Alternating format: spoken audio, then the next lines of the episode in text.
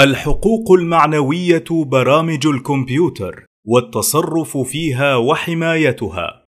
بعد اطلاع المجلس على البحوث المقدمة في موضوع الحقوق المعنوية برامج الكمبيوتر والتصرف فيها وحمايتها ومناقشة الأبحاث المقدمة واستعراض الآراء الفقهية في الموضوع وأدلتها باستفاضة مع الربط بين الأدلة الفقهية وقواعد الفقه وأصوله والمصالح ومقاصد الشرع قرر ما يلي. اولا يؤكد المجلس ما جاء في قرار مجمع الفقه الإسلامي الدولي في مؤتمره الخامس بالكويت من الأول إلى السادس من جماد الأولى 1309 الموافق العاشر إلى الخامس عشر من ديسمبر 1988 القرار رقم 43 ونصه أولا الاسم التجاري. والعنوان التجاري والعلامة التجارية والتأليف والاختراع والابتكار هي حقوق خاصة لأصحابها. أصبح لها في العرف المعاصر قيمة مالية لتمويل الناس لها وهذه الحقوق يعتد بها شرعا فلا يجوز الاعتداء عليها. ثانيا يجوز التصرف في الاسم التجاري أو العنوان التجاري أو العلامة التجارية ونقل أي منها بعوض مالي إذا انتفى الغرر والتدليس والغش باعتبار أن ذلك أصبح حقا ماليا.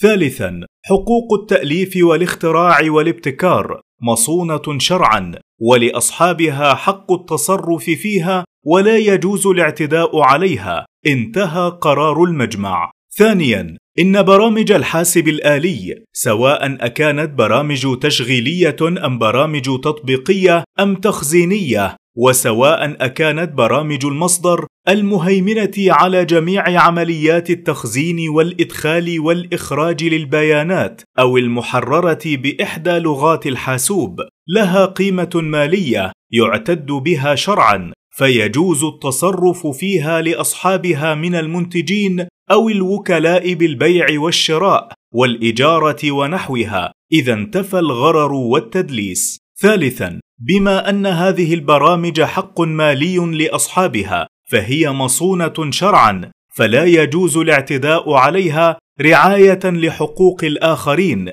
الذين بذلوا جهودا واموالا في إنتاجها. ومنعا لأكل أموال الناس بالباطل. رابعا يجب على مشتري البرامج أن يلتزم بالشروط التي لا تخالف الشرع والقوانين المنظمة لتداولها للنصوص الدالة على وجوب الوفاء بالعقود والالتزام بالشروط فلا يجوز استنساخه للغير ما دام العقد لا يسمح بذلك. خامسا لا يجوز شراء البرامج التي علم أنها مسروقة أو مستنسخة بوجه غير مشروع ولا المتاجرة بها. سادسا يجوز لمشتري البرنامج أن يستنسخ منه لاستعماله الشخصي ما دام في إطار ما نصت عليه اتفاقية الاستعمال. سابعا على الشركات المنتجة والوكلاء عدم المبالغة في أثمان البرامج.